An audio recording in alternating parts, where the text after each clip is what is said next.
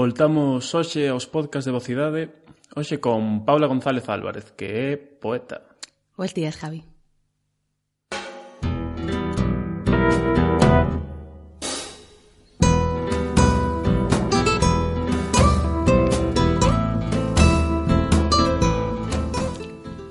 Oh, moi boas, Paula. Eh, estamos aquí hoxe para falar de poesía e da túa poesía. Uh -huh. Pero primeiro, bueno, quero preguntar un pouco polo por como está o tema da poesía. Pertences a algún colectivo, non?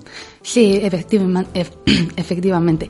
Eh, pertenzo ao colectivo Alter Ego, que é un colectivo poético juvenil de Vigo. Eh, leva activo dende o 2015 e, bueno, actualmente estamos así un poquinho apagados porque moito estamos ou traballando ou rematando as carreiras, pero pero sí, aí estamos. Eh, coñeces algunha agrupación máis deste tipo que faga cousas parecidas a vos? Agrupacións poéticas sí que hai varias, pero neste sentido no que o facemos nós de, de xente moza que se reúne para facer recitais que xesan agrupación en si sí mesmos, penso que non, pero pode haberla, seguramente as haxe. Eh, que pensas que igual igual hai menos igual non hai tantos grupos juvenis, pero si sí, do outro tipo?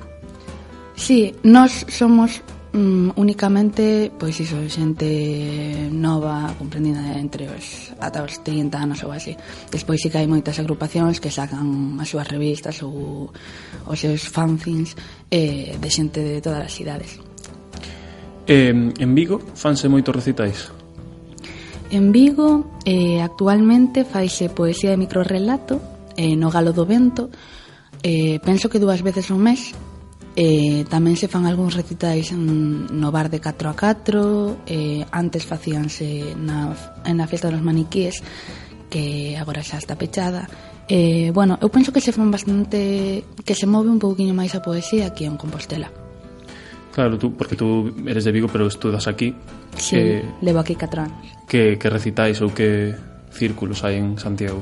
Pois, cando cheguei, estaba a poesía e microrelato en Caldeirería e, e estivo ali durante tres anos despois picharon o, o bar e trasladouse ao módulo que fixose este curso tamén no módulo un par de veces a semana e xusto este martes foi, foi o último recital. E, e despois tamén no Medusa soen facer cousiñas tamén non só poesía, tamén mezclado con música ou con, con performance que, que a xente que, o que a xente quera amosar basicamente. E E aquí tamén se fixo este ano por primeira vez unha poetry slam o mes pasado. Eh, crees que hai escena? Penso que aquí sí, penso que sí, penso que hai moita xente que está nese círculo e que comparte as súas os seus escritos, as súas as súas poesías. Eh, supon, supondo que xente moza, non? Sí, na súa maioría sí, pero tamén hai que pensar que Aquí é unha cidade, esta é unha cidade pequena, máis pequena que Vigo, por exemplo, e os estudantes, os universitarios confluen bastante máis. Entón, sí que penso que é máis fácil xerar ese tipo de comunidade nos mesmos círculos, quero dicir, nos mesmos bares, a xente coñecese, sí que xente nova, pero tamén xente maior. Na súa gran parte, xente estudantes universitarios, xente nova.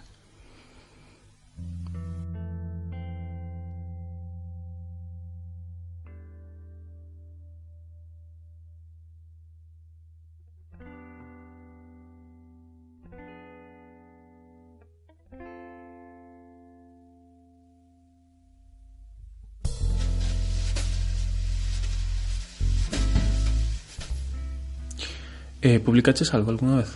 Ou publicaronche algo? Pois, mira, fai dous anos eh, pois é microrelato Compostela pois sacaba un, un libriño con, sacobo primeiro o primeiro ano que eu estiven aquí pero ese ano estaba introduciéndome introducíndome aínda nese mundillo e, e si, sí, na segunda edición si sí que publicaron un dos meus poemas e tamén nunha antoloxía poética que se chama La Texovit que publicou Galaxia eh, pois de xente que participou no Festival Querúa que se celebra en Vigo sobre poesía internacional. Pensas que é sinxelo para unha moza como a ti de 21 anos, non? Sí. é sinxelo que che publiquen ou que, que teña algún tipo de percorrido a túa obra?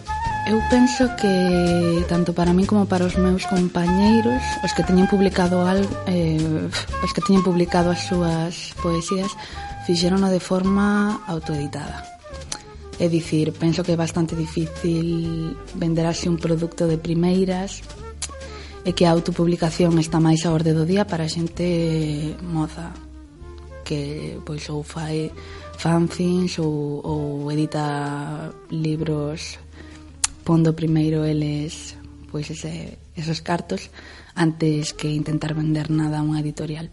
Tamén porque penso que em, o trámite sería máis longo Se eu se, se quixera publicar un libro, autoeditaría. Pareceme máis estar máis dentro do proceso. Gustaría ter máis control, digamos.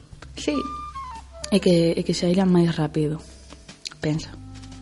E agora, bueno, falando da, das poesías que escribe Paula, eh, que despois eh, subiremos en formato podcast tamén algunha poesía recitada por ela. Uh -huh Eh, chama a atención do que lín e do que escoitei da tua poesía que reiteranse cousas super tristes, realmente. Sí. Eh, hai tres palabras que son as vaguas, a choiva e a noite que están constantemente. Por qué? Vale, en primeiro lugar, eh, eu penso que escribo a maior parte das veces cando estou triste. E, e sobre todo pola noite, porque pareceme que é o momento do día máis persoal. Cando nos atopamos solos e de noite, igual ao longo do día temos a cabeza ocupada noutras cousas, pero cando chega ese momento e cando ás veces reflexionamos e, bueno, aí sae todo.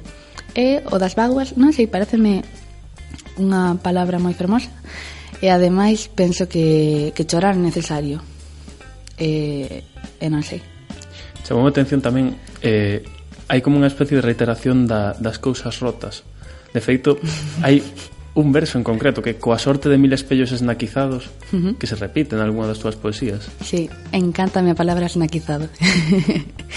non sei, pareceme bonito. Eh,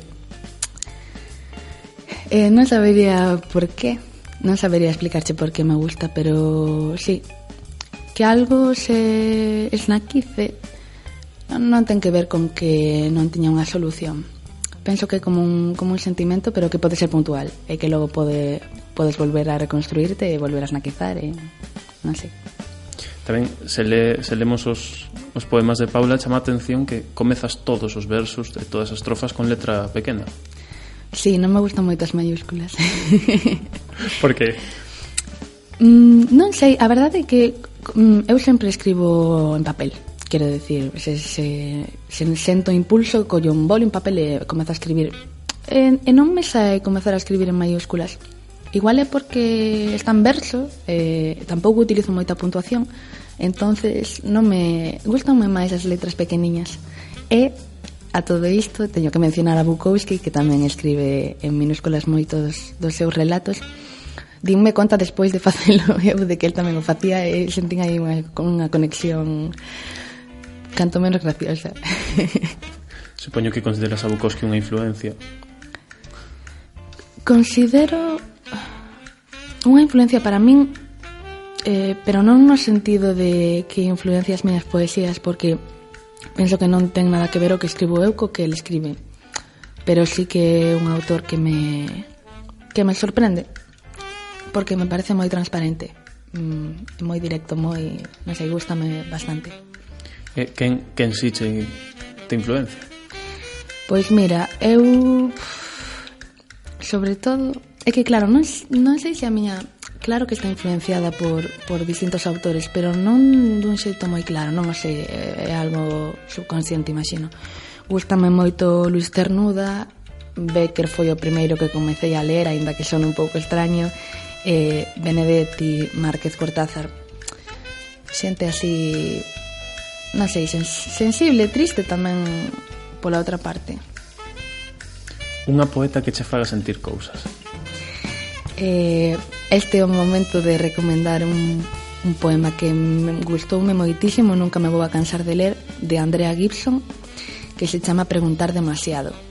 Recomendo que o leades. Eh, eh, pareceme eh, tan tenro todo o que escribe, tan É que non sei de onde saca esas ideas, pero son tan reais que ah, sorpréndeme moitísimo como é capaz de, de transmitilo dese xeito. Recomendo bola. Adoitas escribir en galego? Cando comecei a escribir, non, pero tamén porque estaba en Vigo e no meu entorno non se falaba moito galego a nivel juvenil. Eh, pero chegar aquí e ver que que si tiña ese espazo para sentirme cómoda falando en galego, sí que, sí que comecei a escribir máis en galego. Eh, escribo nos dous idiomas, en galego e en castelán, depende... Non, non é algo que eu escolla. Depende as palabras que me veñen á cabeza nese momento ou, ou onde este ou o que pase indistintamente. Crees que o hábitat da poesía é, é o, o papel, a escrita ou o recital? Esa é unha pregunta difícil. No meu caso, penso que é o papel. Pero... Pola túa relación, como... Quero dicir, eres... Consideraste máis escritora ou, ou receptora? Porque a escritora sí que tería sentido que tuveses unha especie de relación íntima co papel, co que escribes. Os recitais parecenme un, un lugar para, para compartir, pero penso que a, a creación e todo ese proceso é algo máis íntimo no meu caso, quero decir.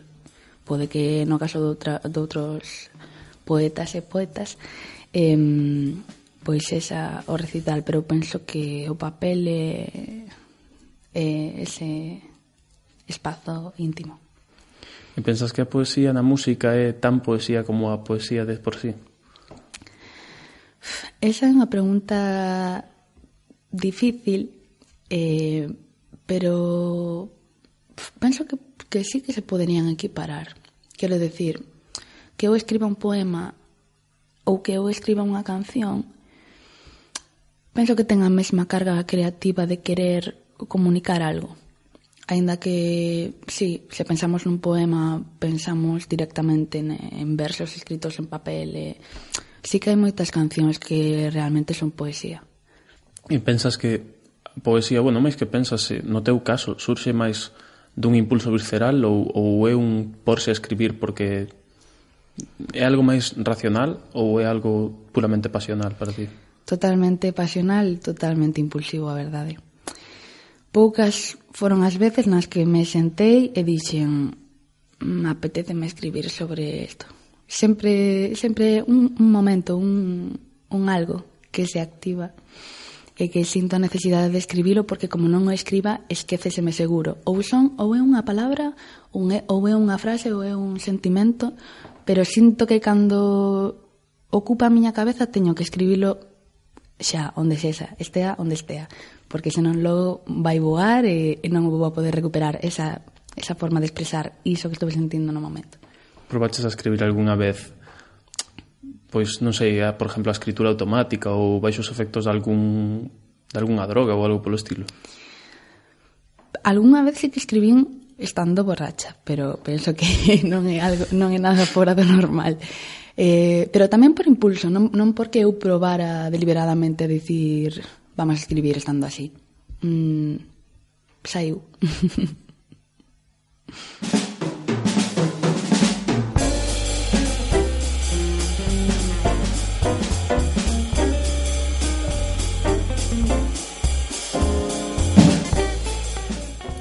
Pensas que a día de hoxe, bueno, a día de hoxe, fallanos era imposible.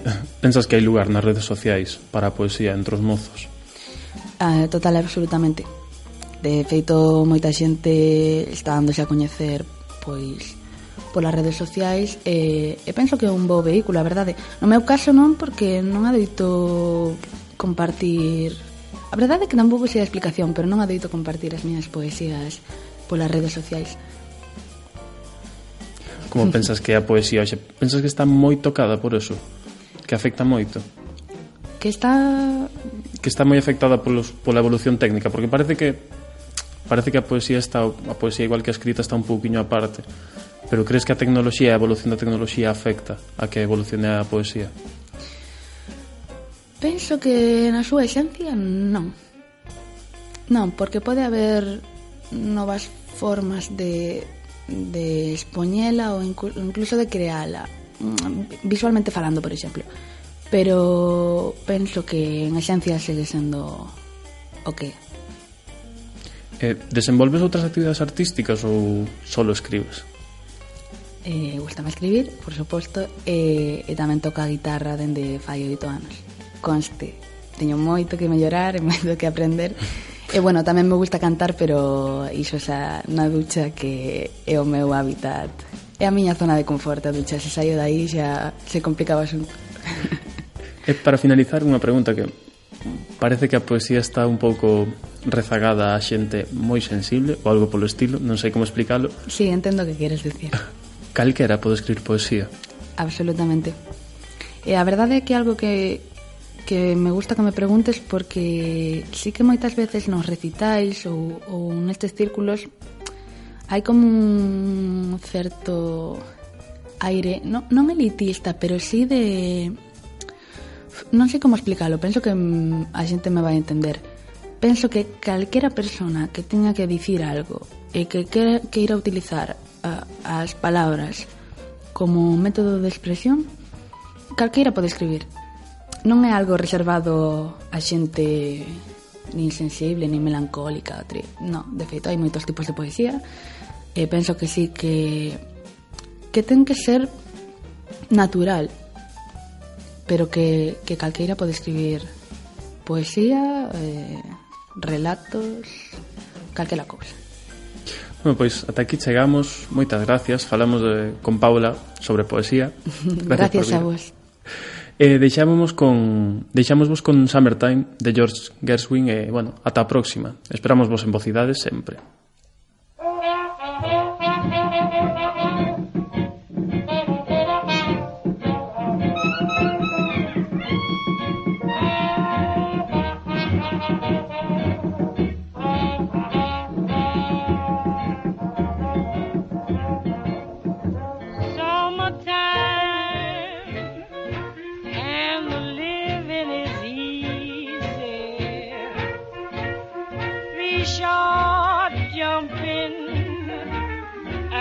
the cotton is high. Oh, your daddy's rich and your ma is